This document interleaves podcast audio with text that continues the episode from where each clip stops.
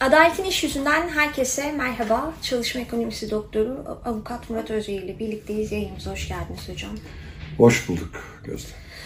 Ee, evet, geçtiğimiz hafta e, tüm Türkiye'yi derinden sarsan bir deprem felaketiyle karşılaştık. Aslında bir doğa olayını e, bir felakete dönüştüren ihmaller zinciri kuşkusuz ki önümüzdeki günlerde de tartışılmaya devam edecektir. Ama biz bugünkü yayınımızda e, depremin çalışma ilişkileri bakımından kendi sonuçlarını konuşmak istiyoruz. Şimdi ilk soru şu olacak hocam. Deprem bölgesinde fabrikalarda çalışan pek çok işçi e, 6 Şubat'ın hemen ertesi gün işe çağrıldı. Ee, yani böyle bir durumda işe gitmediği takdirde işçiler ne olabilir? Bunun hukuki sonuçları nelerdir? Evet, gerçekten de sen de söylediğin gibi bir doğa olayı felakete dönüştü ve ciğerimiz yandı. İnsan ne diyeceğini şaşırıyor, ne söyleyeceğini şaşır, şaşırıyor. Her şey anlamını yitiriyor. Geçmiş olsun diyoruz ama geçmiyor işte, geçmiyor. 1900'den beri resmi kayıtlara bakıyorsunuz. Onlarca deprem yaşanmış. Onlarca yaşanmışlığa karşın depremin bir felakete dönüşmesini engelleyecek hiçbir önlem alınmamış. Sadece işte yanıyoruz ama kalbimiz onlarla birlikte. Evet bugün şöyle oldu böyle oldu demenin ötesinde dayanışma günü dayanışarak bu süreci, bu sürecin yarattığı olumsuzlukları hep birlikte yenmek için gayret gösterme günü. Herkese geçmiş olsun diliyorum. Duyarlı olmaya, bir kez daha bu tür felaketleri depremin felaket altına dönüşmemesi için yapılması gerekenlerin yapılmasına dönük demokratik baskılarımızı artırmaya çağırıyorum. Çünkü bugün yaşadığımız depremin bir benzeri çok büyük bir olasılıkla ahir ömrümüz içerisinde belki işte Bingöl Karlova'da uzmanlar söylüyor. Belki yarın İstanbul'da, belki Türkiye'nin bir başka bölgesinde yaşanacak. Çünkü biz gerçekten de coğrafya olarak deprem kuşağının içerisinde yer alıyoruz. İki kıtanın sıkıştırması altındayız. Bir yandan işte Arap Yarımadası, bir yandan Afrika. E bu gerçekle yaşamayı öğrenmeliyiz ve unutmamalıyız ki deprem de öldürmüyor, bina da öldürmüyor. Kar hırsı, en az girdiğiyle en büyük karı elde etmek isteyen rantiye mantığın hukuka saygısızlığı, insana saygısızlığı, kendine saygısızlığı öldürüyor. Ölümlerin nedeni doğal bir felaket değil. Ölümlerin nedeni insanın doğayla girdiği ilişkiyi sadece kar hırsı üzerinden tarif etmesi ve bu hırsı dizginlemekle görevli olanların da buna seyirci kalmasıdır diye düşünüyorum. Bir kez daha olmaması için dayanışacağız, yaralarımızı saracağız, geleceği yeniden kurmak için mücadeleyi de sürdüreceğiz diye başlamak gerekiyor. Evet, depremde işe gelmeyen işçiler. Şimdi normal koşullarda işe gelmemek iş sözleşmesinin işverence tazminatsız sonlandırma sebebidir. Ancak işe gelmemek meşru bir mazerete dayanıyorsa bu sonlandırma geçerli ya da haklı fesih olarak kabul edilemez. Meşru mazeretin tarifi yapılmamıştır kanunda. Yargıtay kararlarında örnekler verilmiştir. İşte yakınlarını yitirmek, ağır bir hastalık durumunda olan çoluğu çocuğu ya da işçinin kendinin hastalanması gibi. Şimdi deprem ve depremin yarattığı felaketler karşısında her hukukçu, her vicdanlı insan burada işe gitmeyen işçinin meşru mazeretinin olduğunu kabul etmek zorundadır. İşçinin işe gitmemesi meşru mazerettir. Hiçbir yakınını kaybetmese bile komşusu enkaz altındayken o enkazın kaldırılması için yardım eden, çırpınan, hiçbir şey yapmasa bile orada beklemenin kendisi dahi meşru mazerettir. Bu nedenle işverenlerin işe çağırmalarının hiçbir hukuki dayanağı geçerliliği yoktur. Meşru mazeret olan bir işçi izin almaksızın gitmek zorundadır. E, gitmeyebilir, çok özür diliyorum. Gitmek zorunda değildir iş. Depremin kendisi meşru mazerettir. Evet. Ee, şimdi tam bir hafta geçti depremin üzerinden ee, ve bazı işverenler e, işe geldiği takdirde işçilerine işte belli miktarlarda deprem yardım yapacağını söylüyor. Ee, gelmeleri yönünde baskılar kuruyor. Gelmedikleri takdirde bu yardımlardan yararlanamayacaklarını söylüyorlar. Ee, şimdi toplamda şöyle bir tablo var. Hmm, kimi sendikaların bu sürenin ücretli izin sayılması yönünde ya da işte kısa çalışma ödeneği gibi tartışmalar da açılıyor. Siz burada ne diyorsunuz? Olması gereken nedir? Böylesi büyük bir felaketten etkilenen, sizin de bahsettiğiniz gibi e, hiçbir yakınını kaybetmese bile e, orada bulunan işçilerin işe gidemeyeceği durumlarda olması gereken nedir? Şimdi birincisi şunun altını çizelim. Yaşanan felaketi insanı koruma merkezli politikalarla çözmek zorundayız. Dolayısıyla öncelikle tüm bu koruma politikalarının merkezine işçiler özelinde konuşuyoruz. İşçileri oturtmak gerekiyor. İşçiyi koruyacak bir takım düzenlemeler, eklemeler yapılması lazım. Hiç kimse yardımlara muhtaç olmak zorunda bırakılmamalıdır.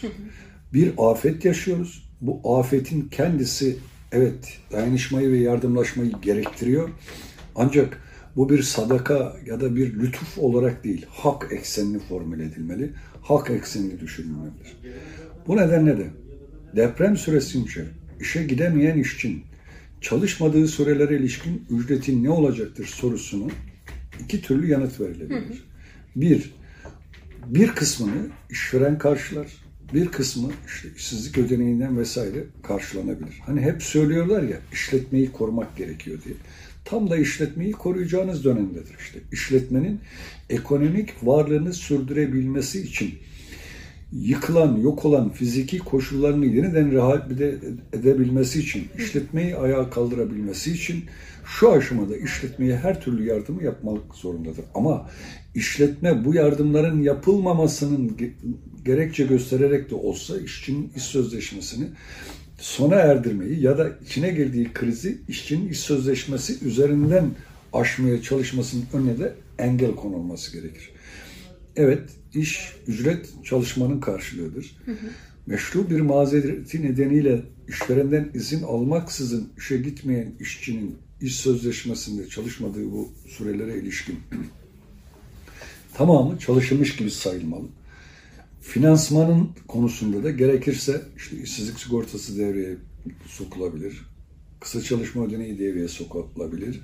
Genel bütçeden sadece bu döneme özgü olarak işverenlere bir iş sözleşmesini sürekliliğini sağlaması koşuluyla bir takım yardımlar yapılabilir. Hemen peşinden yapılması gereken Covid-19'da olduğu gibi fesih yasağı, mutlak anlamda bir fesih yasağı getirilmelidir.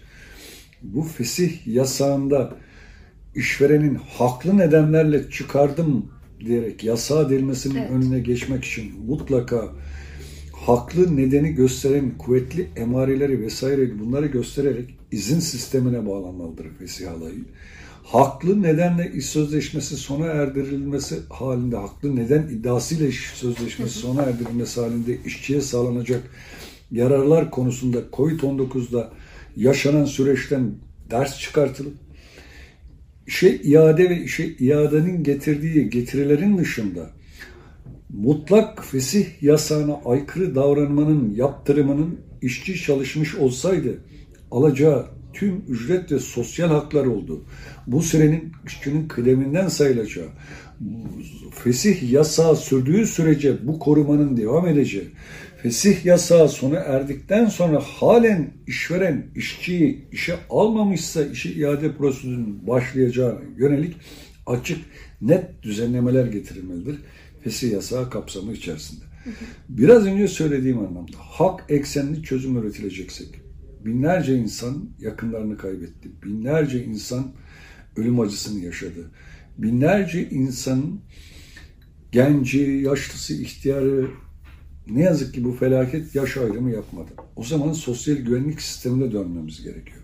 Sosyal güvenlik sisteminde prim ve sigortalılık süresi koşulu aranan yardımlarda işte ölüm sigortası, maliyet sigortası, kapsamına giren herkesin prim ve sigortalılık süresi koşulu aranmaksızın yararlanacağına ilişkin bir düzenleme yapılmalı. Yani 1800 gün primi olmasa da 5 yıl sigortalılık süresi olmasa da sigortalı ölmüşse sigortalının hak sahiplerine bunlar eşleri ve çocukları onlara prim gün sayısı ve sigortalılık süresi koşulu aranmaksızın ölüm sigortasından aylık bağlanmalı. Malul kalmışsa, iş göremezlik derecesi düşmüşse herhangi bir prim koşulu aranmaksızın, sigortalılık süresi aranmaksızın maliye sigortasından ya da yaşlılık sigortasındaki sakatlık halindeki prim gün sayıları, yaş aranmıyor sadece prim gün sayıları aranıyor. Buradaki prim gün sayısı da aranmaksızın bu sosyal güvenlik sistemleri devreye sokularak bunların hiç değilse geleceğine dönük gelir yoksunluklarını, deprem felaketi nedeniyle yaşadıkları gelir yoksunluklarını sosyal güvenlik kurumunun içerisinden ve hak eksenli bir şekilde giderecek düzenlemeler acilen yapılmalıdır. Evet. Peki hocam var mı başka eklemek istediğiniz meseleye ilişkin? Var. Şimdi şöyle bir e, e, sorun da çıkıyor. İşveren iş sözleşmelerini işçilerin yine normal koşullarda zorlayıcı nedenler gerçekleştiği için bir haftadan uzun süre işverenin iradesi dışında gerçekleşen işte deprem nedeniyle iş verememesi halinde sona erdirme hakkına sahip. Şimdi burada sona erdirme bir haftadan ya kadar yarım ücret meselesi var. Bir haftadan sonra ücret ödeme yükümlülükleri yok. Tüm bunlar yeniden ele alınıp düzenlenmeli. İşverenin iş sözleşmesi askıda olan işçiyi yani herhangi bir ücret ödeme yükümlülüğü altına olmadı. Kendi cebinden bir işçinin iş sözleşmesini sona erdirmesi fesih yasağı kapsamında mutlak anlamda yasaklanmalı ve yaptırıma bağlanmalı. İşçilerin bu dönemlerde işte e, eşleriyle, dostlarına, yakınlarına yardım edebilmek için işverenden izin almasının zorunlu olmadığı işçiler açısından bu durumun hem bir meşru mazeret hem bir zorunun neden olduğu doğru bir şekilde anlatılabilmeli.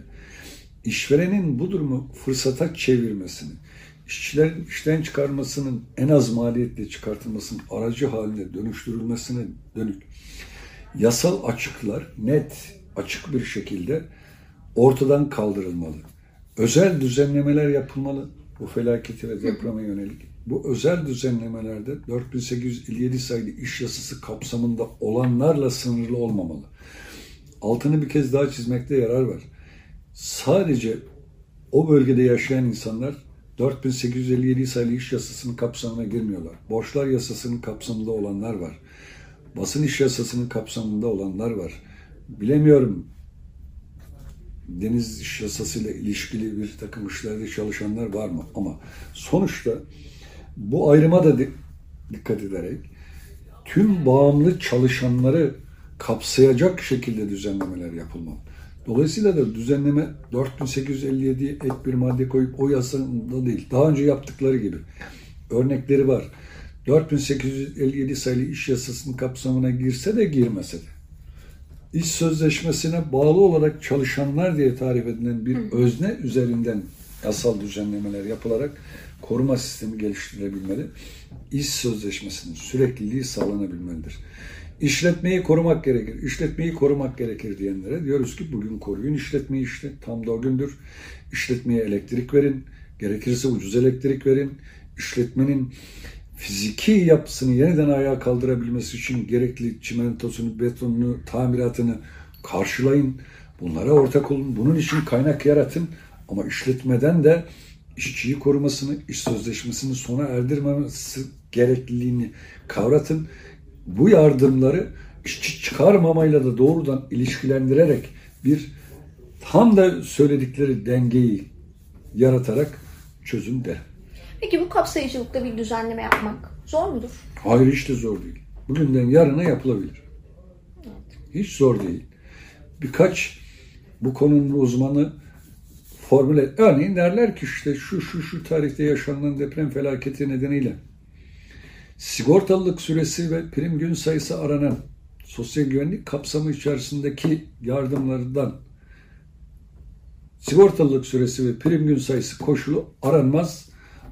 Deprem felaketi nedeniyle gelir kaybına yaşayan herkes bu kapsamda yararlandırılır. Şimdi bu bir formülasyon. Şimdi bu formülasyonu kanun yazma tekniğini bilen bir sürü uzmanlar var. Alırlar, ilgili yerlerine tık tık tık koyarlar ve sorun biter. Bu kadar basit.